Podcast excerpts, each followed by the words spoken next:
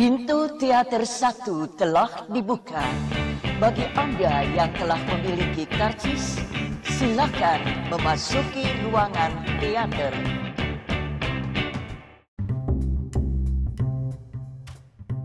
Yo, balik lagi sama gue Mustafa di podcast Habis nonton film Kali ini gue akan ngebahas film Salah satu film terbaik yang pernah gue tonton di film dua- di tahun 2019 ya Eh, Berjudul Bebas, film terbaru karya, karya Mas Riri Riza dan Mbak Mira Lesmana. Eh, Sebuah film adaptasi dari film Sunny Yang kalau di Indonesia jadi judulnya Bebas. Hmm, gue tuh belum pernah nonton film Sunny ya. Eh, meskipun gue sering banget denger filmnya tapi entah kenapa gue belum belum ada kesempatan dan belum tertarik untuk nonton filmnya. Jadi eh gue nggak akan membandingkan gimana bebas eh yang dibuat oleh Mas Riza dan film Sunny yang dari Korea gitu. Karena bebas ini ada ada adalah remake apa yang nyebutnya ya? Eh adaptasi lah ya adaptasi. Eh gue nonton tanpa ekspektasi yang begitu tinggi. Eh, tapi gue tahu film ini bagus gitu ya. Eh, dari beberapa teman-teman gue dan rekan-rekan kerja. Pokoknya orang-orang yang udah pernah nonton filmnya gitu. Eh, jadi jadi gue tidak mengeset apa ya ekspektasi gue terlalu tinggi. Dan gue memutuskan untuk menonton film ini eh, di hari penayangan perempuan tanah jahanam karena gue ngerasa film ini nggak akan bertahan sampai akhir minggu sih. Sampai akhir minggu ini karena apa ya? Karena perempuan tanah jahanam itu marketingnya oke banget ya. Joko Anwar tuh salah satu director dengan visi marketing ter oke lah di Indonesia saat ini ya karena nggak semua director tuh punya jago jago berjualan gitu jago menjual filmnya. Nah jadi gue memutuskan untuk nonton bebas karena penontonnya dikit banget layarnya dikit banget eh, terus banyak yang bilang bagus gitu tapi tetap ekspektasi gue nggak terlalu tinggi. Dan ketika gue tonton well fuck this is a good film this is the aduh gue ngerti. Eh, film itu bagus banget men parah. Eh, kalau kalau di Indonesia itu ada semacam SAG Awards ya. Mungkin ada Indonesian Movie Actor Awards. Terus ada kategori Best Ensemble Cast gitu ya. Ini udah pasti menang. Gue yakin bebas udah pasti menang. Karena banyak banget pemain berkelas yang bermain secara total di film ini. Yang gue rasa memang memang diasah sedemikian rupa dengan directing yang memukau dengan cerita yang dalam berlayer-layer. Eh, unsur nostal nostalgiknya tinggi jadi ketika pemain yang umur sekarang itu eh, merecall lagi dia muda itu dapat banget gitu. Jadi ketika dia memerankan adegan-adegan yang dia jadi muda itu bagus banget terutama gue gue salut dengan film ini adalah pemeran-pemeran mudanya ya dari Vina yang diperankan oleh eh, siapa tadi namanya? Sebentar. Vina itu yang main adalah Maizura. Terus yang main jadi Chris itu Cheryl. Hmm, yang jadi Jessica itu Agatha Priscilla Eh, wow suara apa tuh? Eh, jadi Gina muda ada Zulfa Maharani kalau nggak salah Zulfa Maharani main film Dilan juga. Dan jadi Jojo muda tuh Baskara Mahendra. Nah eh, ada terakhir Suci yang main itu Lutesha. Gue mau shout out untuk Baskara Mahendra yang ta- tampil gemerlang ya. Eh, rumornya dia akan bermain sebagai Khairil di Miles. Eh, semoga saja bisa lebih baik lagi dari yang sekarang. Dan gua rasa semoga Mas Riri memberikan peluang-peluang yang bagus untuk eh, pemain-pemain baru gitu. Termasuk Baskara Mahendra yang yang anjir keren banget sih keren. Gua gua tuh gue tuh jarang nonton film Indonesia yang keakrapannya eh, terus bone-nya ant- bone antara pemainnya tuh bagus banget. Gue percaya mereka itu bersahabat gitu ya.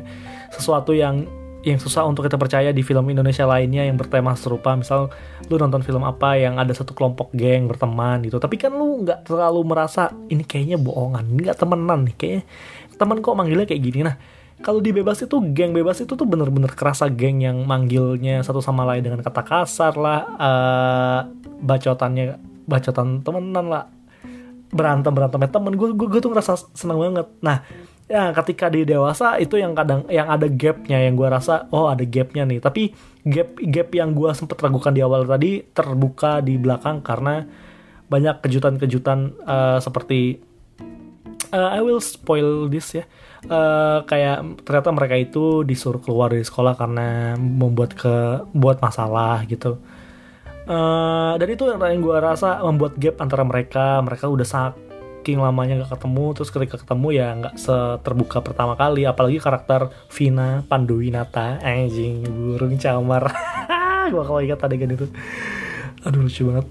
Uh, I don't know this is a good movie. This is a fun movie it's heartwarming it's uh, It's a good movie. Nah, terima kasih sudah mendengarkan suara motor. uh, aduh, ada gua gua tuh gua tuh sampai sampai terkesima setelah pulang terus ngerasa kok bisa ya? Maksudnya uh, film film ini itu penontonnya dikit gitu. Uh, apa yang salah dengan persinema yang kita? Anja perfilman kita? Apa yang salah dengan industri kita gitu? Apakah ada promosi yang kurang maksimal di film ini gitu? Hingga tenggelam begitu dalam dan tidak ada penontonnya apakah pasarnya ada juga beberapa teman gue yang menilai kalau film ini tuh sasarannya orang Jakarta dan sekitarnya. Jadi se Indonesia tuh nggak akan kena. Dan dan memang yang terasa di film itu kayak gitu. Tapi gue yang bukan orang Jakarta gue ngerasa deket karena karena banyak hal-hal yang diangkat uh, keakraban keagraban itu yang yang yang dekat gitu caranya bergaul cara kita bergaul dengan teman kita cara kita menyelesaikan masalah cara kita berkumpul dan ya gitulah kehidupan kehidupan remaja gitu ya. Gua nggak kebayang kalau Mas Riri megang Dilan gitu ya. Anjing it's wah Dilan bisa keren banget kali ya.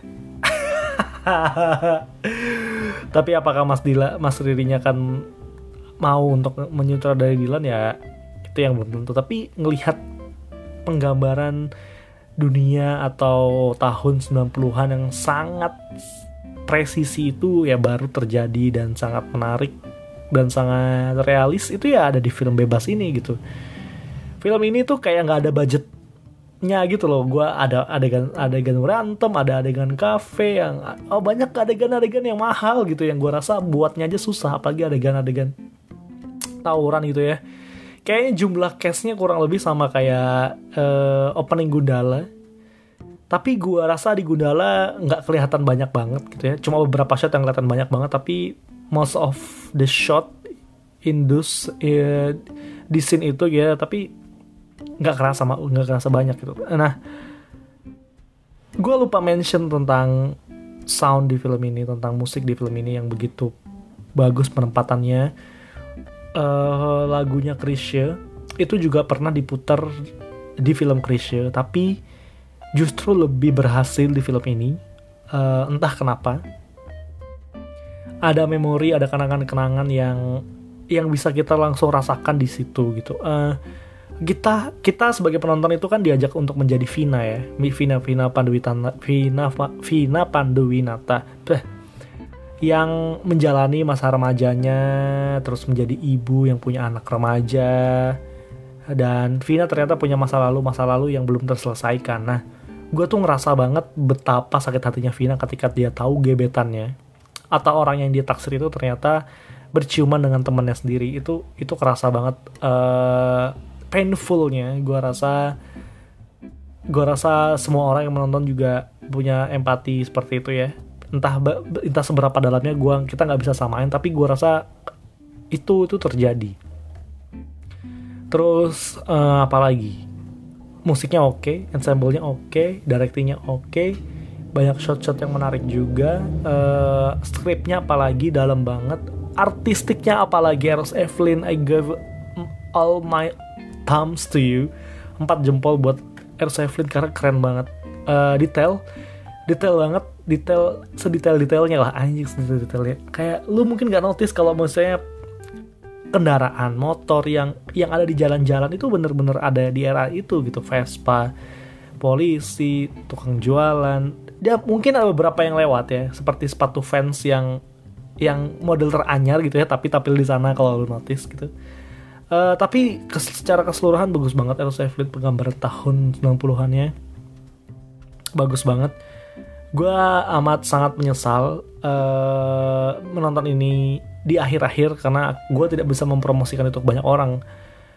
Karena film ini harus banyak yang nonton dan gue yakin 100% film ini akan masuk nominasi film terbaik FFI 2019 uh, karena ia mencakup segala fondasi-fondasi atau nilai-nilai yang membuat dia menjadi sebuah film yang bagus gitu ya bermakna, filmnya berkesan, filmnya punya teknis yang bagus, filmnya punya tujuan yang bagus, filmnya punya nilai artistik, artistik yang bagus, komplit. Uh, gue nggak tahu lagi kalau ini film ini nggak masuk nominasi.